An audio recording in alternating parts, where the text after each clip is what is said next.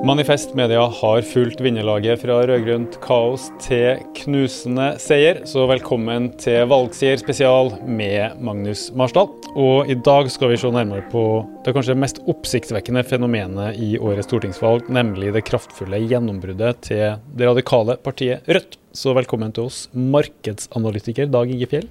Takk for det. Du er tilknytta Høgskolen Kristiania, partner i BTF, som er et rådgivningsselskap. Men du har vel også en politisk bakgrunn? Stemmer det. Eh, jeg var aktiv i Fremskrittspartiet fra 1984 til 1993. Det er jo flere lag i det partiet på den tida. Hvilket lag tilhørte du?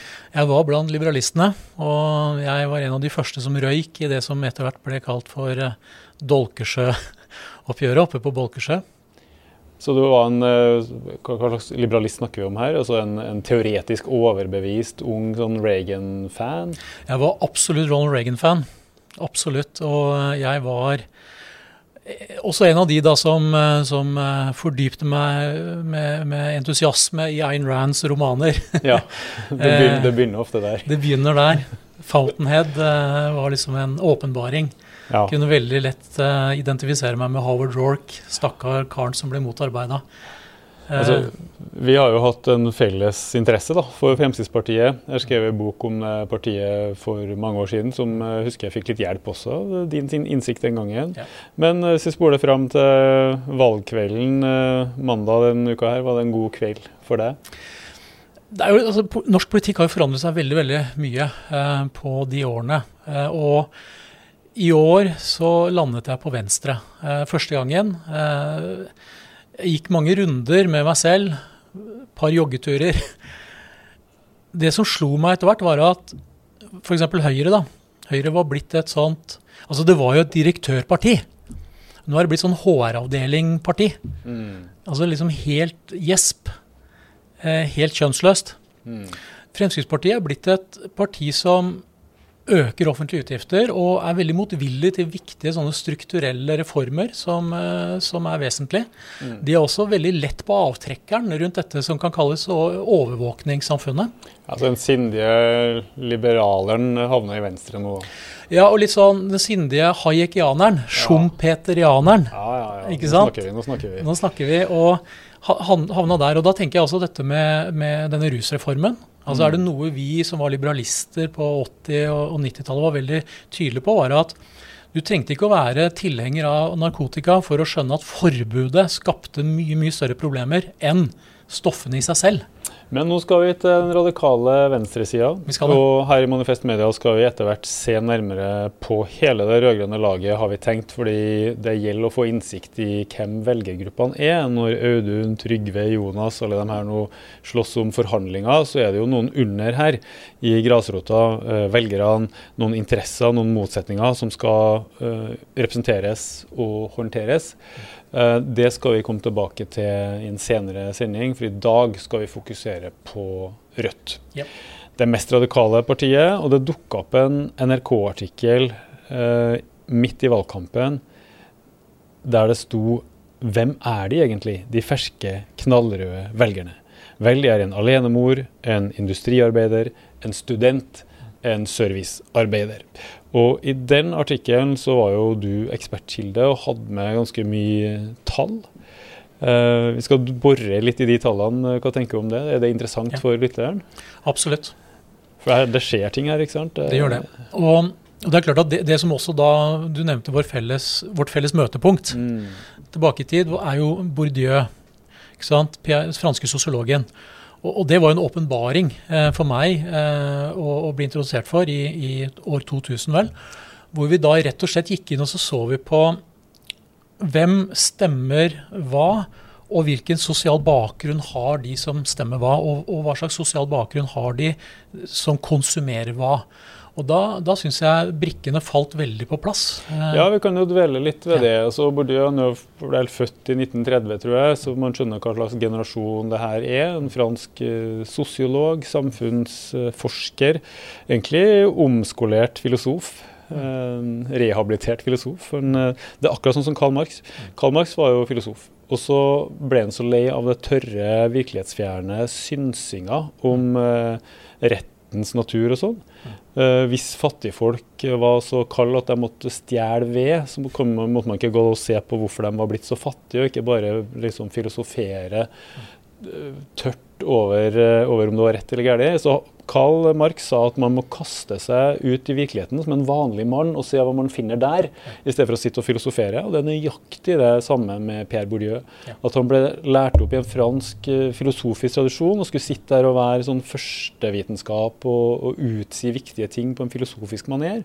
Men han kom jo fra en arbeiderfamilie. Faren var postmann eh, og fagorganisert. Mora var sikkert hjemmeværende i en liten skitlandsby nede i Frankrike ikke sant? og var en bondetamp Kamp. Ja. Ble kalt for uh, Bonden da han gikk på skolen og sånn. Eller Boen, som vi ville sagt i Trøndelag. Altså, han liksom gjorde akkurat det samme som Karl Marx og kasta seg ut i sosiologien. da. Og som du sier, så, så ser han på sammenhengen mellom hvem folk er, vil si hva gjorde faren din, hvilken inntekt har du, hvor står du hen i sosiale landskapet, og de valgene du tar. Ja. Enten det er forbruk eller partivalg. Og dere har jo et redskap, et verktøy dere kaller sosioraster, ja. som uh, folk kjenner igjen fra min bok uh, Frp-koden f.eks. Uh, eller Listhaugs metode, som vi ga ut i år.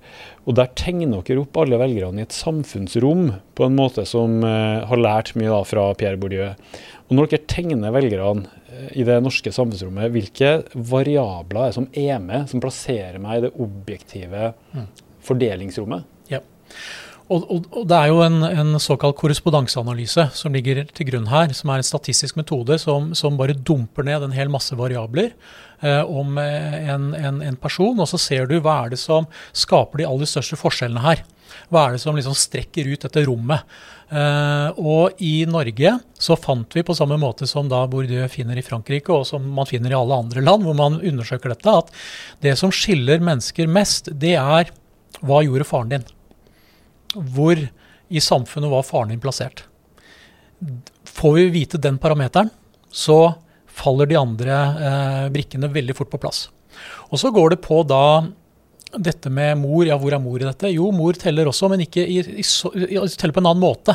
Det er veldig mye innhold i hjemmet, hvis vi kan si det. da. Sånn piano, leksikon, bøker osv. Som, som ofte korrelerer med mor. Og dette kan jo da eh, etter hvert bli sånn Hva gjorde din foresatte? Bare, bare så det er sagt. Men, men dette med familiebakgrunn teller, teller aller mest med hensyn til hvor du selv havner hen. Og da er det sånn, selvsagt, ah, hvis, hvis, vi tenker da operasjonelt på dette, du har en arv. Den arven kan være økonomisk. ikke sant? Den arven kan være sosial. Nettverket. Nettverket. Bare tenk deg hvor utrolig fordelaktig det er hvis du begynner å studere og du skal få de relevante sommerjobbene, og ha en far og mor som kan tipse, som kan anbefale, som kan gå god for deg. Ikke sant? Når du da kommer ut ferdigstudert, så har du det forspranget framfor en, en person som studerer på samme linje, men som har mer proletær familiebakgrunn. Ja, det er Forskjellen på å være en arving i utdanningssystemet og å være en nykommer i utdanningssystemet. Ja. Men du kan jo også arve penger. Du kan arve penger, og, og det er klart at har, altså det er veldig mange som arver penger med, med, stor lykke og greier å forvalte det på en god måte. Så har du de som, som sløser det bort på coacher og healer og personlige trenere. Og, ikke sant? Skaper, distribuerer velstand på den måten. Men hvis vi ser for oss samfunnsrommet som en firkant med oppe og nede, høyre og venstre, så hvis vi tar oppe og nede først, da er det vertikale avstanden mellom de høye og de lave, det er vel en ganske intuitiv avstand. At du har mest kapital på toppen, enten veldig høy økonomisk inntekt, formue, eller veldig høy utdanning, et prestisjeyrke som uh, forsker, som uh, professor, forretningsadvokat og sånn. Ja. Mens nederst vil du få de fattige, de trygda, de arbeidsløse. Og så har du en arbeiderklasse mellom her, og en slags middelklasse, lærere osv. Dette er ganske lett å se for seg. Mm. Men så er det den andre aksen som går på tvers, mm. fra venstre kant av samfunnsrommet til høyre kant. Eh, hva er det som foregår der? Det er jo der hvor det er mest konflikter. Eh, og, og, et godt eksempel på det er jo høstutstillingen. Vi er jo nå midt oppi det, det er høsten.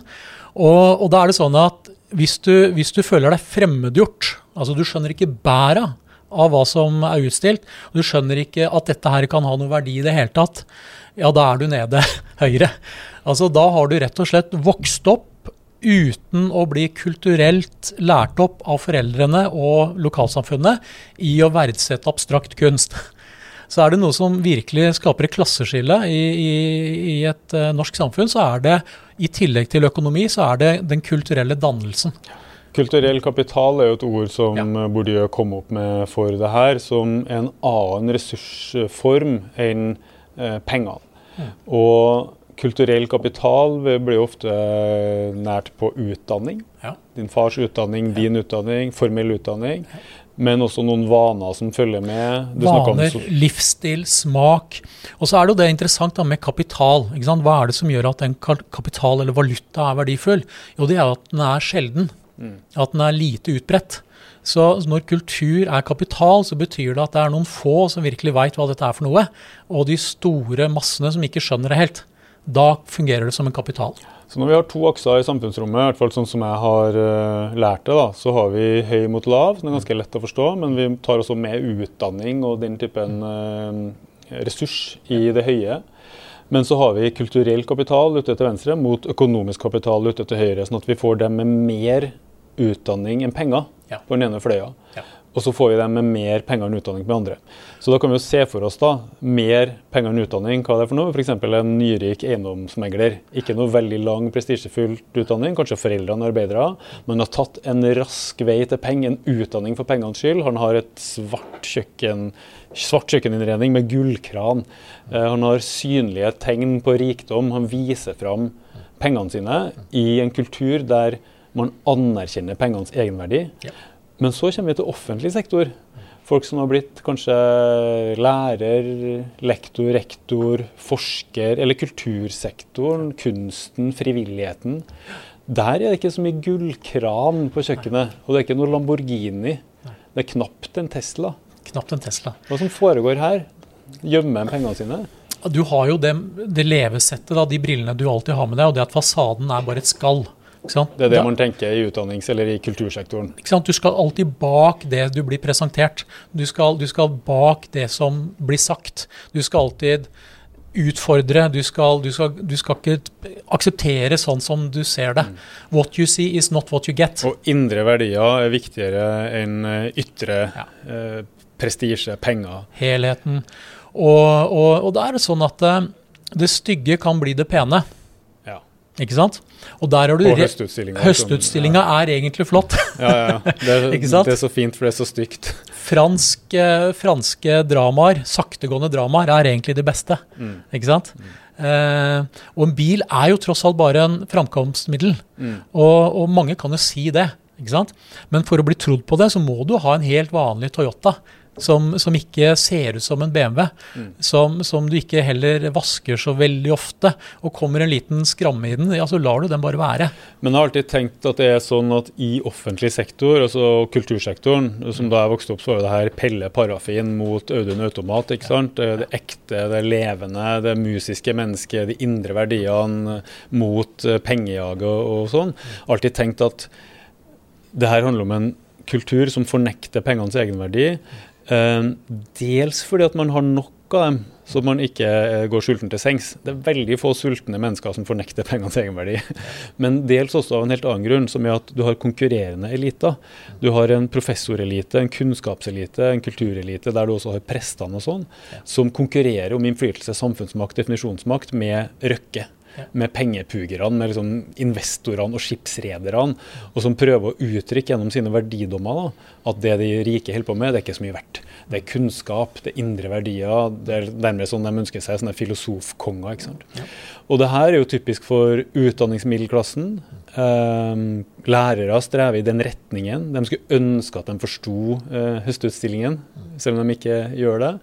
Mens hvis du går ned til arbeiderklassen, altså helsefagarbeideren eller hjelpepleieren som het før, på den ene sida, og så rørleggeren på den andre, så tenker jeg at da er det skillet her så sterkt. Det er ikke så veldig mange helsefagarbeidere som fornekter pengenes egenverdi Nei. så intenst. Og det er veldig få helsefagarbeidere som gjør en klassereise opp til Universitetet i Oslo. Mm. Ikke sant? Så, så klassereiser i samfunnet er jo mye enklere i det som vi kaller økonomihierarkiet. Mm. Altså Det betyr at du kan være en, en egentlig lite privilegert person med hensyn til familiebakgrunn, men ha et, et vinnende vesen. Eh, du, du, du, er litt sosialt flink. Og så skjønner du at du kan f.eks. utdanne deg til eiendomsmegler. Det blir noe innen salg. Noe innen salg. Og, og igjen, hvis du er et, har et vinnende vesen, hvis du, hvis du, er greit intelligent, så kan du gjøre en fenomenal klassereise.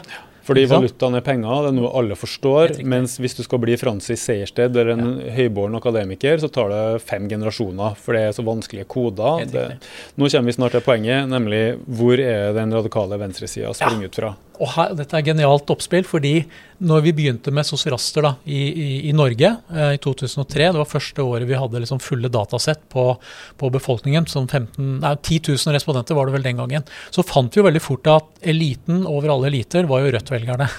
Det var professorene som satt og drøfta eh, kapitalismens herjinger. Ikke sant? Mens, mens uh, proletariatet, uh, og, og, da snakker vi Fremskrittsparti-velgere Særlig privat sektor. Privat sektor uh, nyter godt av billige flyreiser og all inclusive uh, sydenferier. ikke ja. sant? Som kapitalismen frembringer. Mens, mens Rødt-velgerne eh, skal jo ikke kose seg i ferien, de skal oppleve og slite litt Samle i ferien. Samle kulturelle poeng langs ja. brosteinen i, i, Italia? Helt eller, riktig. Ja. Hvor det er litt vanskelig tilgjengelig, og de, de, tar heller tog selv om togene ikke helt går osv. Så, videre. så masse sånne interessante ting. Men gjennom, uh, gjennom årene, da, så har vi sett en utvikling i dette mønsteret.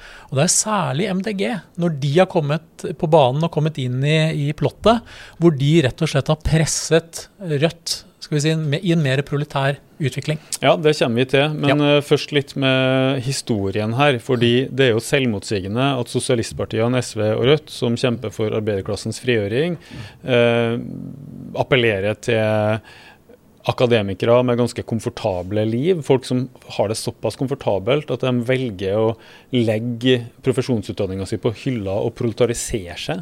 Noe som Ottar Brox mente var naturstridig handling. Uh, I hvert fall ikke noe arbeidsfolk ville ha funnet på. Og at de arbeiderne, i særlig privat sektor, i stor grad da når de gjorde opprør, gikk de til Fremskrittspartiet. Og Pierre Bourdieu skrev jo om det ganske tidlig, for han sa at den gamle klassekonflikten mellom direktører og arbeidere, mellom kapital og arbeid og mellom rik-fattig, som arbeiderbevegelsen vokste ut av, og som Høyre og sånn NHO var motsatsen, den ble jo midlertidig avspent etter andre verdenskrig. Det som har blitt kalt for klassekompromisset. Du har Riksmeklingsmannen og masse ordninger som gjør at den konflikten er temma. I tillegg så får arbeidsfolk mer i posene enn de har drømt om pga. en veldig høy økonomisk vekst. Og Dermed så trer en annen motsetningsakse fram å definere høyre mot venstre. Og Pierre Bourdieu kalte det motsetninga mellom eh, småkjøpmenn og folkeskolelærere. Altså Margaret Thatchers kjøpmannsfar eh, og, og business-sjiktet, som ikke er kanskje fin nok for Høyre, strebere og strevere i privat sektor som hater skatt og fagforeninger, mot lærerne, utdanningsrevolusjonen, de nye sjiktene som kom opp og fikk tilgang på kulturell kapital utdanning, men som kanskje ikke var eh, Francis Sejersted akkurat, og som ble 68-opprøret, ble ja, den radikaliseringa vi så i SV og AKP, senere eh, RV Rødt. Og dermed så fikk man det jeg kaller for eh, sosialistisk lærerparti. Mm, mm. Eh, en bunch med lærere, velmenende folk, og det er jo sånne som oss har jo stått i spissen for mange framsteg, men det er veldig langt fra den typiske arbeiderklassen man uh, drømmer om. Og det her framstilte vi også ganske tydelig i Frp-koden som en slags begrensning for den sosialistiske venstresida. Ja. Uh, hvordan tenker du om den begrensninga? Altså hvor, hvor, langt kommer man med et sosialistisk læreparti? Det vil alltid være en sånn SV var vel oppe i en 20 ca. Uh, i, i, en kort periode før Stoltenberg II-regjeringen. noe sånt noe. Men, men, jeg tror ikke det er noe større potensial enn en 10-15 Det tror jeg ikke. Mm. Um, og det er fordi det er så van... Altså, det er nesten sånn eh, Se for deg samfunnet som et klasserom. Um, og da er det sånn at du vil alltid ha de flinke som sitter foran og er venner med læreren. Veldig oppmerksom når læreren snakker, gjør alle leksene og ber om mer lekser. Ja, elevrådsledere. Ikke sant? Og de, de blir SV-ere de, eh, de kan også bli høyre, folk, hvis, de, hvis de har det rette bakgrunnen. Men de kan aldri bli arbeiderklasse. Da må de sjølproletarisere det. Men, men, men, det er veldig veldig vanskelig å gå fra foran i klasserommet til bak sammen med rølpen. De som sitter og bråker. De som er lei av lekser. De som egentlig bare vil, vil ha det moro. Men det er jo ikke bare det kulturelt ytre du snakker om nå, det er jo også at offentlig sektor faktisk bare har 30 eh, av arbeidsstokken. Ja. Alle meglere tror jo at 90% av nordmenn jobber i offentlig sektor, ja. men det er altså 70% i privat sektor. Mm. Så hvis hele, verdens, eh, hele prosjektet er knytta til et forsvar for offentlig sektors verdier, ja. så har du et handikap kanskje mot de 70% som jobber i privat sektor, og der borgerlig fløy ja. står vanvittig mye sterkere uh, enn de gjør i, i offentlig sektor. Så, så, her er det mange dimensjoner, uh, og jeg syns vi kan adressere ett av dem i lys av Thatcher og Falklandskrigen. Mm. Fordi Det var veldig interessant uh, når man, man, ser tilbake igjen på det. For der mistet jo Labour grepet om, om arbeiderklassen. Og, og, det dreide seg om at Falklandøyene, da, som ble okkupert av Argentina, ble, fikk, fikk, et veldig sånn Oi, de har tatt noe fra oss. Mm. De har fra, såret oss, arbeiderklassen. Fra det, fra det britiske imperiet. Britiske imperiet. Følelsesmessig patriotismen her. Ja, nasjonalismen. Liksom, Nasjonalisme, patriotisme. Mm. De, har, de, har, tatt noe fra oss, og dette må vi forsvare. På samme mm. måte som du holder med fotballaget. På samme måte som du heier på England i, i, i fotball-EM og VM osv. Mm. Dette kan ikke skje. Thatcher var jo veldig tvilende, fordi veldig mange av rådgiverne hennes sa jo at det er helt ulønnsomt å holde på det øyrælet der borte. ikke sant? Og i hvert fall en krig mot Argentina. Det vil koste oss veldig. Koste oss veldig ikke sant? Så Det går utover de planlagte skattelettelsene som næringslivet trenger. ikke sant? Så, så de harde thatcheristene, økonomisk og litt sånn Britisk imperium er kostbart, la oss kaste det. De var imot det, men Thatcher skjønte at der, altså patriotisme mm forener hennes nye konservative småkjøpmenn og den, den, den, gamle arbeiderklassen. Mm. Og Det er også en interessant ting i forhold til um, altså både den radikale venstresida, men først uh, den såkalte høyrepopulismen. fordi en oppskrift eller en formel for å beskrive hva høyrepopulistiske partier gjør, og nå snakker jeg mer om Fremskrittspartiet mm. og Le Pen-partiet i Frankrike, Sverigedemokraterna osv., det at de forener veldig ulike grupper. Ja. Småkjøpmannen, finansmegleren, den arbeidsløse industriarbeideren. altså folk som åpenbart ikke har noe til felles økonomisk, men de tar ulike former for protest misnøye, enten det er at jeg vil ikke betale mer skatt, eller at eh, jeg får ikke nok i pensjon. Mm. men så klarer de å få lagt alle de her inn på én felles konfliktlinje, som er det nasjonale mot det fremmede. Men, men, og at man mobiliserer ja. på et eller annet som har med innenfor, utenfor. Ja.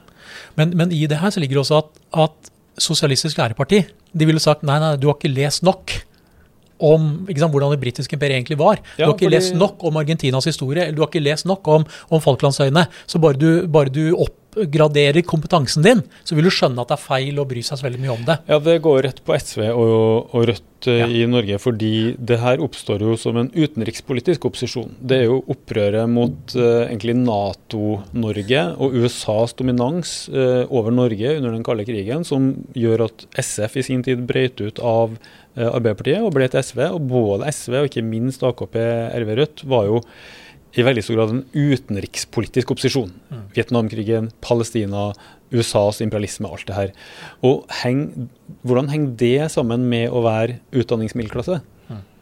Nei, altså I dag så ser vi det at det, motstand mot Nato-medlemskap og det å redusere forsvarsutgiftene, det er noe som mobiliserer Rødt-velgerne aller mest. Mm. Det er det som skiller de aller mest fra de andre i den rød-grønne blokka. Men har det tradisjonelt vært en sånn lærer- eller offentlig sektor-ting å gjøre? Ja, det her? det har det.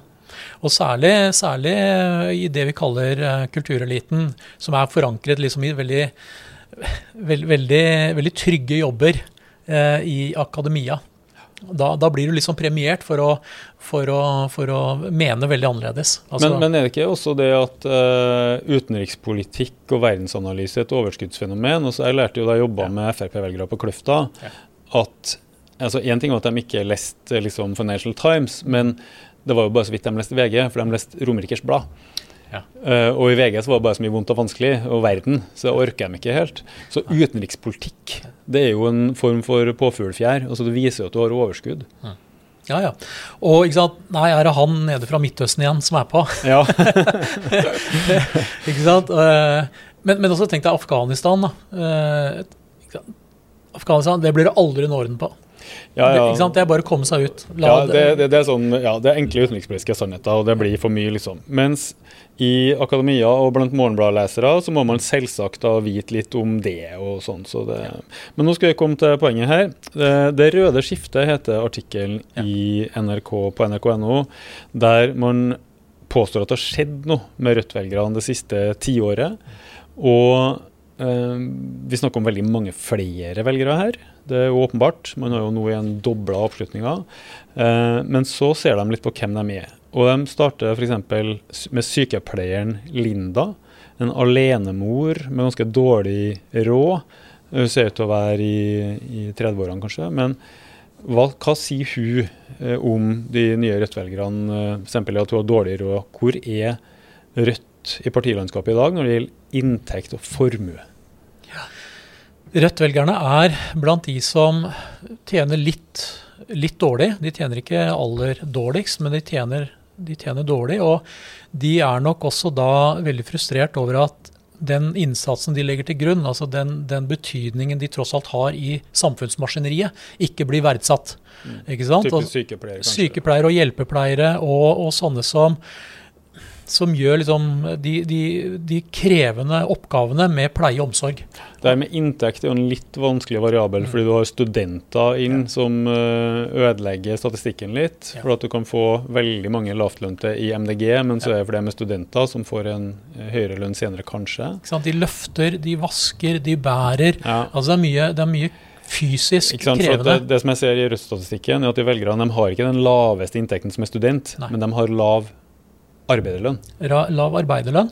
Og så har de heller ingen forventninger om at det kommer til å bli bedre. Men eh, de, de, de, på formue så er de jo ekstremt lave, er de ikke det? Ja. Veldig, veldig lite formuende som de oppgir. Veldig, veldig lite. Så, så, det er klart at de kommer heller ikke da fra veldig Skal vi kalle det altså SV-velgere SV med mye akademikere har jo mye arv ikke sant, å se fram til. De, mens, mens Rødt-velgere virker ikke som de har det.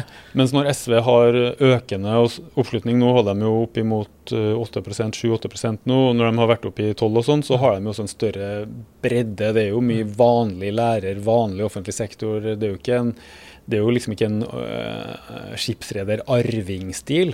Nei. Men du mener det er en tryggere tilværelse likevel? Tryggere tilværelse og mer utsikter for hopp, da, karrierehopp, mm. i, i, i, sin sektor.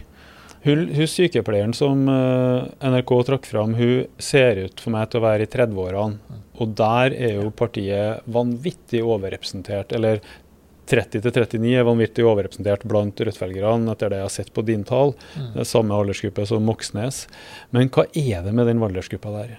Jeg tror det som, det som, dukker opp i materialet her, er at mellom 30 og 39 Litt grov uh, gruppe allikevel, men, men mange av dem resignerer. Altså resignerer med hensyn til hva er karrieremulighetene.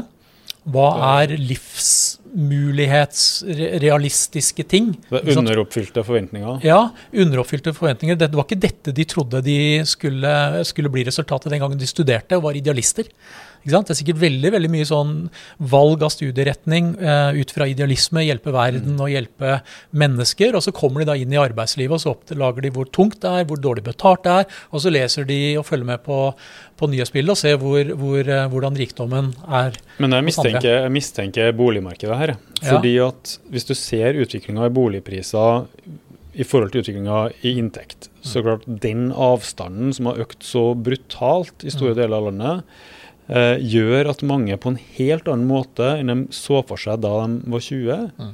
i dag er utestengt mm. fra det de trodde de hadde rett på. Ja. Du har tatt utdanninga di, fått jobb og sånn, og så ser du det finnes ikke en eneste bolig i Oslo du kan kjøpe. Ja. Og, det, og, det, er jo da interessant også med, med, med nettopp 30-39, fordi veldig mange får jo da barn, ikke sant.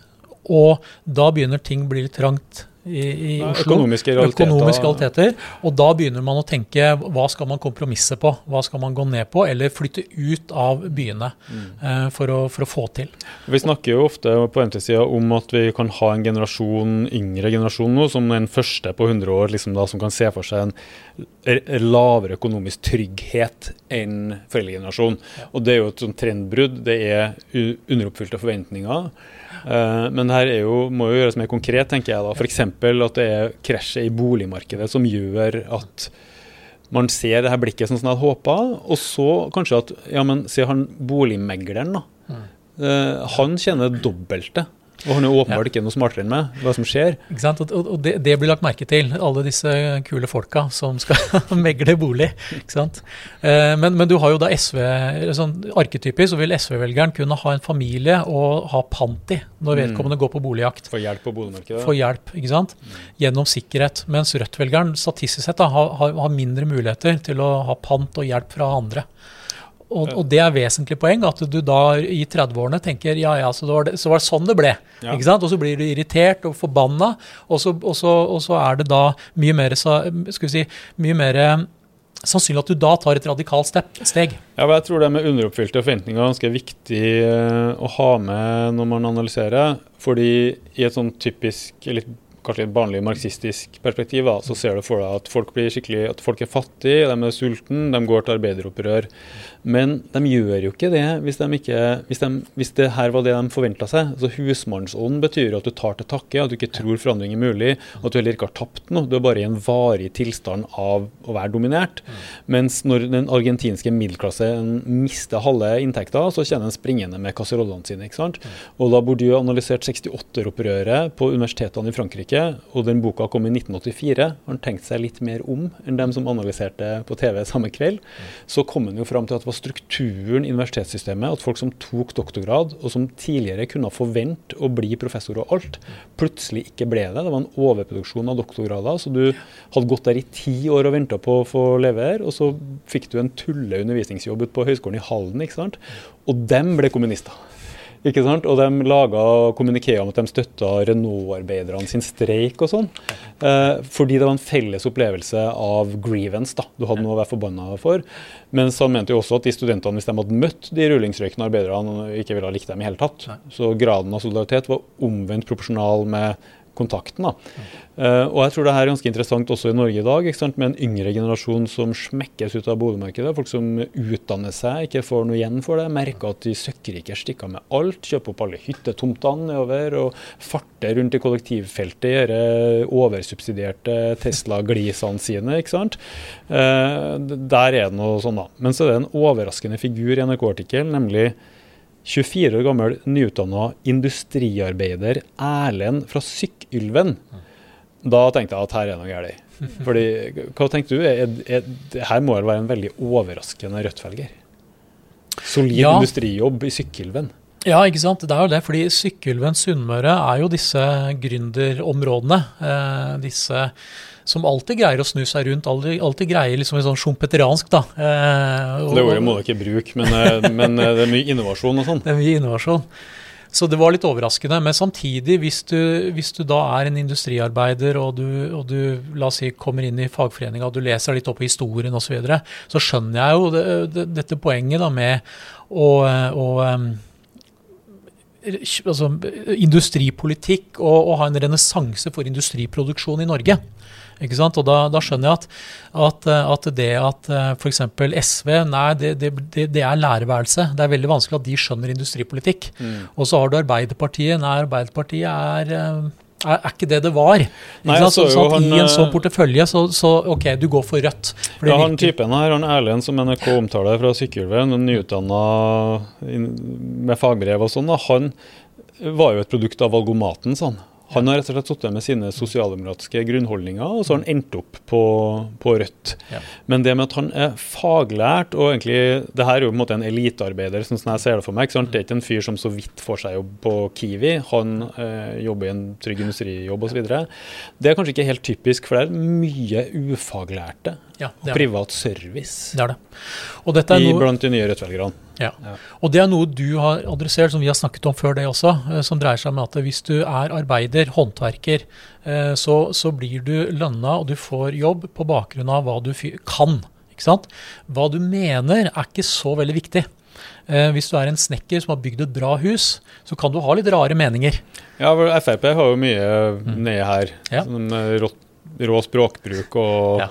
Og, og, du takler det av en snekker så lenge snekkeren er god, så lenge mm. rørleggeren gjør ting ordentlig. Mm. Så de har mindre pyntelige meninger? Da. Ja, men problematiske meninger som ligger litt i ytterkanten, de, de, de lar seg ikke eh, Altså, de, de, eksisterer ikke rundt lunsjrommet i et reklamebyrå. Mm. Ikke sant? Eh, rundt lunsjrommet på, på, på et sånn konsulent... Eh, bedrift, nei, da blir du problematisk. Da blir du vanskelig å se for deg at du kan selge konsulenttjenester hvis du har ytterkant meninger. Men hvis du er trygg mm. med ytterkantmeninger mm. i et arbeidsliv hvor du selger det du, det du kan gjøre. Mm. Ikke sant? Men han 24-åringen han sier jo at i sykkelveien så har Rødt et imageproblem. Ja, ja, ja. Fordi det oppfattes vel som ja. verdensfjernt, urbant, teoretisk, eh, radikalistisk, rabulistisk. Ikke sant? Og da blir det sånn Ja, ja, du er vel kanskje vegetarianer også? Ja, ja, ja. hvis, du, hvis, du er 24 år og, og stemmer rødt. Ja, ja. Da skal vi leve av å spise gråstein. Men, ja. men han her er jo industriarbeider, så han er ganske interessant. Og mm. kommer det mange fra Arbeiderpartiet? Vi skulle jo se for oss at Rødt konkurrerte med SV, men har de begynt å konkurrere med Ap? Det jeg ser, og det som det tyder på, er at i enkelte byområder så kan, så kan Arbeiderpartiet lekke en del til, eh, til Rødt. Uh, og det går jo på skal vi si, de lange tradisjonene, de, de, de liksom my, mer mytiske fortellingene om arbeiderklassen, mm. som, som, er knytta til produksjonsbedrifter i, i byene. Altså at, at, at den derre Ja, hva ville Gerhardsen gjort? Hva ville Martin Tranmæl gjort? Altså, den historien da, dukker opp som noe som kan plasseres lettere på rødt i dag. Men ikke, jeg ser for meg i byene så tar de noen sykepleiere for Arbeiderpartiet eller noe, og at industriarbeiderne er på bygda. Mens du ser for deg at folk går rundt med sånn sixpence på Kampen og digger Bjørnar Moxnes. Ja. Nei, men jeg, jeg, tror, jeg, tror, det som Og, og da er vi jo inne i det derre mimir sporet, som jeg tror er mm. viktig, som vi like så godt kan dra i nå. Jeg tror at ja, hva, hva er suksessoppskriften her? Eh, Bjørnar Moxnes, Mimmi Kristiansson, ganske ulike typer. Ja. Hva som foregår? Jeg tror, de, jeg tror, Rødt har funnet en sånn Willoch-Norvik-konstellasjon her, som funker som bare det, på den harde venstresida. Ja, det er en referanse jeg tror mange er ukjent med, men vi kan bare holde på nåtidsplanet, kanskje. Ta det er Kåre Willoch og Kåre Harald Norvik? Er? Nei. Erling Norvik. Erling Norvik. altså, det, var jo, det var jo den magiske duoen på, på 70-tallet. Hvor da Erling Norvik var han som var finnmarking. Han var småbedriftsleder som, som var høyremann. Var Sjarmerende folkelig. Nordlending, ikke sant? Finnmarking. Folkehøyre. Folkehøyre. Og Willoch var teoretikeren. Han var den systemopptatte. Han mm. kunne Pen og pyntelig. Ikke sant? Pen og pyntelig. Korrekt. Så, så for den harde venstresida så tenker jeg at Moxnes er den eh, som du kan stole på, har kunnskapen og, og står liksom i stormen. Han kan strukturdebatten og, og veit liksom hvordan han skal hamle opp i stortingssalen. Men det er mimmer som kan gå fra et sånt debattstudio og ut på en brun pub og fortsette samtalen. Mm. Du har eh, sammenligna med rockeband-oppstilling også. Du er jo veldig glad i andre Kiss, en ja, felles ja, ja. interesse vi har. Jeg har jo også gjennomført en rekke bolianske analyser av Kiss, som vi ikke skal gå inn på. Men uh, hva er Moxnes Mimir-faktoren i rockeverdenen? Glimmer Twins, tenker jeg. Glimmer Twins er jo det de kalte Mick Jagger og Keith Richards. Mm -hmm. Altså, du har Det er liksom med et rockeband, det magiske med et rockeband er å ha en, en, en vokalist som, uh, som damene liker. Og så må du ha en gitarist. Litt sånn pen og attraktiv. Pen og attraktiv. Eh, og så må du ha en, eh, en god gitarist, gjerne sologitarist, som gutta beundrer for riffene. ja, Og han trenger ikke være like pen? Nei. Nei. og, må helst være litt rufsete. Ja, for, det, ikke sant? Og, så der er, og det her interesserer meg også, fordi jeg mener at venstresida, både Rødt og SV, um, og for så vidt MDG, Uh, har jo alltid vært veldig snusfornuftig. Det er de elevrådslederne du beskriver som sitter forrest i klasserommet og rekker opp hånda og fantastisk framstilt i Lillelørdag i sin tid, med Paul Cheffy fra SV, som var en opprørsk elevrådsleder, som deretter lot seg kjøpe opp av rektor og med Donald-blader og godteri, og ble da rektors eh, håndlanger mot elevopprøret. ikke sant? Og den samme Paul Cheffy fra SV ble jo senere en HO-direktør, og levde ut en Lillelørdag-sketsj i virkeligheten. Så det sier jo litt om, om Harald Eias sosiologiske teft, vil jeg si. da. Men eh, de her typene har alltid vært veldig snusfornuftige. Altså Ta Erling Folkvår, da, en eh, ære være han. Men jeg ser jo for meg at han sover på ei spikermatte fordi han ikke vil være noe mindre undertrykt enn tredje verden. Og så har han ei sånn enkel lyspære som henger i en sånn tynn tråd fra taket, og så spiser han ett knekkebrød hver morgen. Fordi han ikke, har ikke tenkt å drive med imperialistisk utbytting. ikke sant? Og eh, Erik Solheim hadde jo alltid litt av samme synes jeg, som SV-leder, men folk flest syns det er bra at noen er snusfornuftig, og at noen sitter og resirkulerer noe så veldig, ja. men de gidder ikke å gjøre det sjøl. Og Arbeiderpartiet har alltid fungert der. Arbeiderpartiet er mer jovialt, er mer vanlig. Du kan dra på campingferie med diesel uten at du blir hengt der, men jeg er ikke sikker på om du kan i SV. da. Og her kommer jo Mimir Kristiansson inn, fordi han har jo ikke kontroll på noe som helst, og han foretrekker å vise fram eh, vortene sine, som heter på amerikansk, i stedet for å være så veldig prektig. Og det tror jeg har en voldsom kulturell virkning. Fordi plutselig er det helt annerledes enn det du trodde. Det er klart, jeg tror ikke det er helt tilfeldig at han fungerte såpass bra med, sammen med Per Sandberg på dette, dette reality-programmet på TV 2. Mm. Eh, for det er noe proletarisk i måten han har skal vi si, vært i, ute i det offentlige rom. Det er noe Hemingwaysk. altså Det er, det er noe sånn derre ja, det er jo lett å forveksle det proletariske og det aristokratiske her også. Altså, ja. Det er jo en løssluppenhet som også mm. aristokratiet kan ha. da. Mm. Det er jo en slags arving vi snakker om her. Ja. Det er jo ikke mye hard asfalt på enebaren.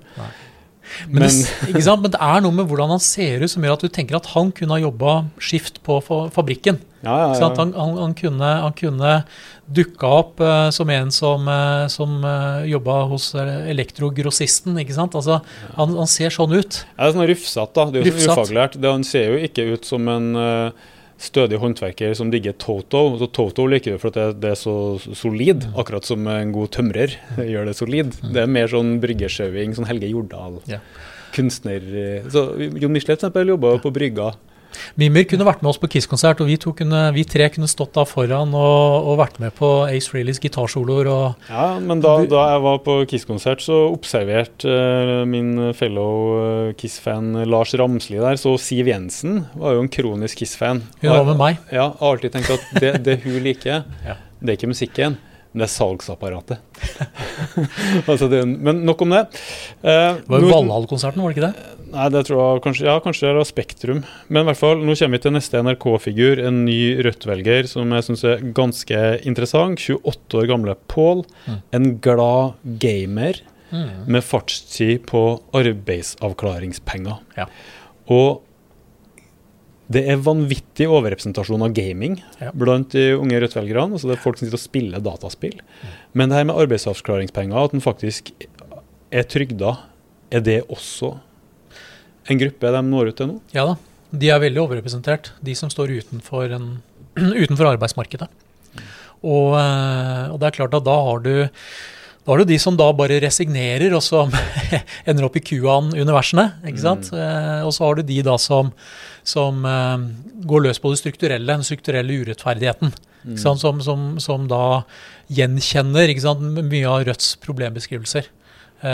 Og, og gaming er jo en, et generasjonsfenomen, det er klart det. Eh, men, men, men, det at du da bruker tid på det, og du, du er sikkert ute på kafeen og, diskuterer med de andre som også gamer og som, som, står litt utenfor arbeidsmarkedet. altså Det blir et fellesskap av det. Mm. Så, så er det klart at det er veldig veldig mange uh, undergrupper på akkurat de du beskrev her, men, men Rødt treffer veldig godt der. Det virker som de har truffet mye eh, AAP-aksjon, som ja. kjemper for de trygdas sak og ja. sånn. Og, de, uh, og det her interesserer meg litt, fordi jeg har vært opptatt av lagoppstillinga på rød-grønn side.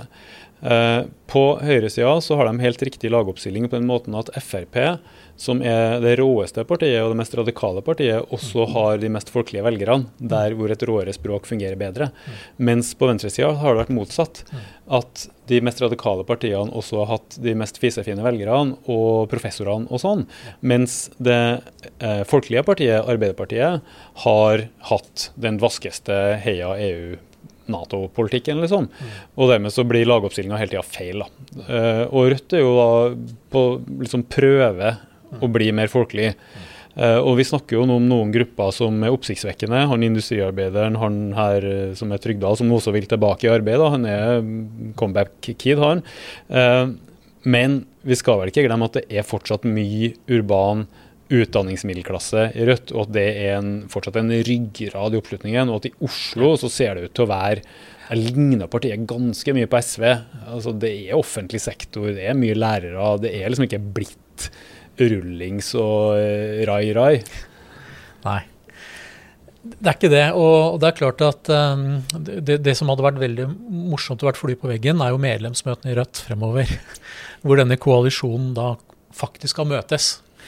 For, for, han som har stått utenfor arbeidsmarkedet en stund, og som har brukt tida si på å game, og er litt, litt, sånn kjapt opplest på strukturer og urettferdighet, vil jo veldig sannsynligvis føle seg fremmedgjort da, i møte med veldig godt skolerte Rødt-velgere som, som er, har en god, solid jobb, og som bor andre steder i området enn en, en vedkommende kan, eh, kan, realistisk sett nå opp til.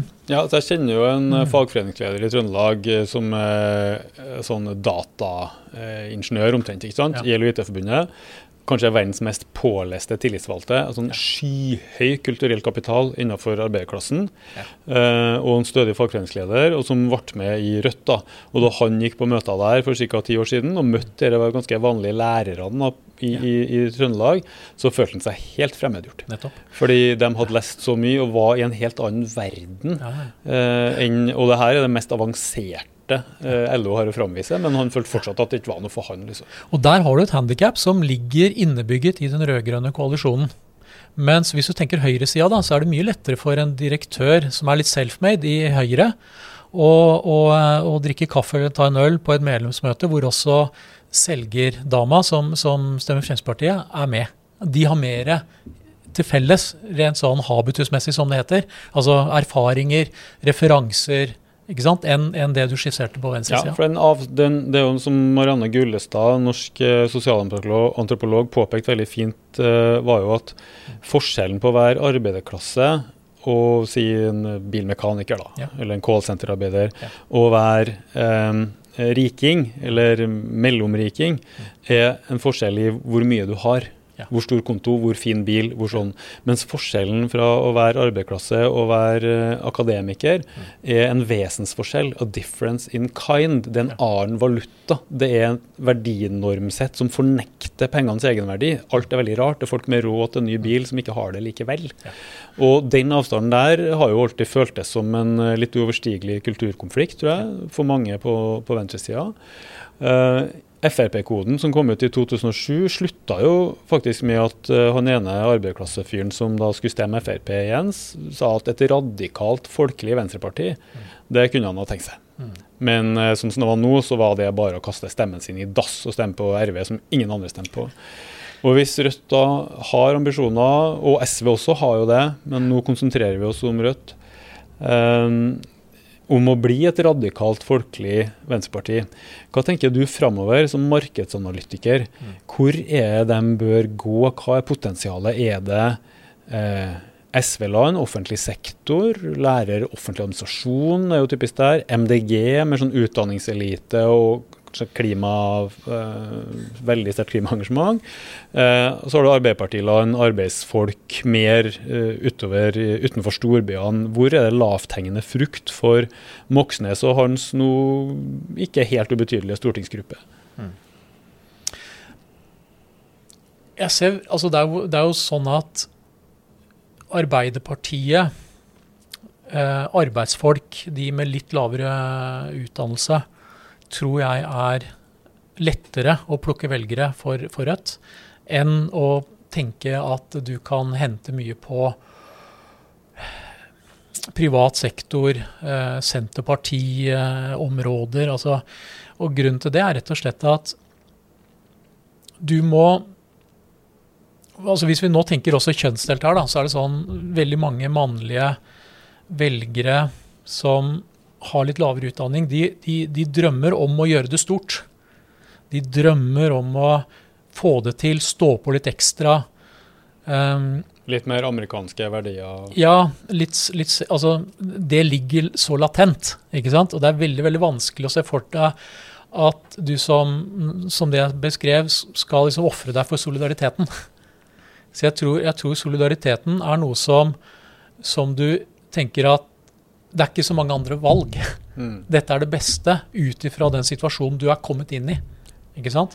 Så det betyr at, at de da som veldig vanskelig kan gjøre det mye bedre i arbeidsmarkedet ut ifra egen innsats, kan, kan, nok motiveres til å, til å, tenke at det eneste sjansen for deg som, som, person, det er å stå sammen med de andre. Ja, Sverre Lysgaard, norsk sosiolog i et klassisk verk, påpekte jo det at som en mulig definisjon av arbeiderklasse, var jo at da er du plassert sånn i arbeidslivet at du ikke har individuelle eh, oppveier og utveier. Du må, kan bare løfte deg i fellesskap. Riktig. Riktig. Og, og, og, det er så interessant, fordi når vi da tenker tilbake på forrige kommunevalg i Oslo, 2019 eh, så så vi jo det at eh, innvandrerstemmene gikk jo i veldig altså veldig, veldig mange av dem gikk til Nei til bompengepartiet. Ikke sant? Altså Bilen er et frihetssymbol for to grupper. Det er Frp-erne og så de innvandrerne. Ikke sant? Og ikke bare, ikke bare, frihet, men da kunne du veldig fort regne på hvor mye mer penger da måtte du ut med fordi du skulle hente, altså kjøpe grønnsaker i sentrum og, og tilbake igjen til Lambertseter eller Alnabru. ikke sant? Altså Hvor mye ville, ville dette koste deg? Ja. Og så, videre. så det er klart at folk har en, en lommebok å, å, å, tenke med. Og, og det er en sånn gut feeling. Det er system 1 mm. eh, instinktene dine. System to er jo da å tenke seg til hva det, det ene og det andre innebærer. Men jeg forstår deg sånn at du ser for deg at Rødt burde ikke satse på å konkurrere med SV og kanskje også MDG, som er kanskje et veldig elitefenomen. da. SV er ikke like elitefenomen, men et midlere elitefenomen. Ja. Ikke gå dit og konkurrere med dem, men gå ut i det mer folkelige. Men da snakker vi ikke industrien, hardcore privat sektor, kanskje mer service, og ikke minst sliterne i offentlig sektor. Ja. ja. Sliterne i offentlig sektor og, og de som det er, nok, det er, nok, litt flere kvinner i dette også. det er nok det. Men i dag er Rødt ja, ganske balansert på kjønn? De er veldig balansert på kjønn. Uh, SV er jo veldig overvekt på kvinner. Ja, SV stikker av med damene. De ja. har jo 70-75 kvinnelige velgere. Ja. Og de damene virker på meg, de liker SV bedre, og syns kanskje Mimir Moxnes-greiet er litt sånn macho eller litt useriøst? Eller, jeg, jeg tror de har veldig sans for Kaski. Jeg tror Kaski er liksom uh, gullstandarden for SV-damene. Jeg tror de beundrer henne veldig.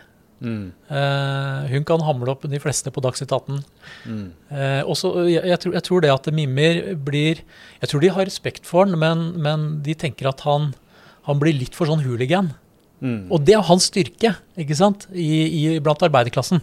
At Mimmer er på vikingkampen og drar av seg og mm. selv med en ølvom, så, ikke sant, så kan han uh, støtte laget.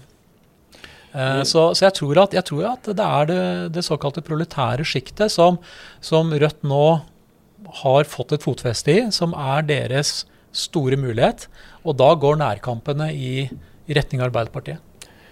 Dag Inge Fjell, det har vært veldig interessant å høre både om uh, Erling Norvik, hva det er han het, og KISS-konserter, og ikke minst det her som angår uh, norsk politikk.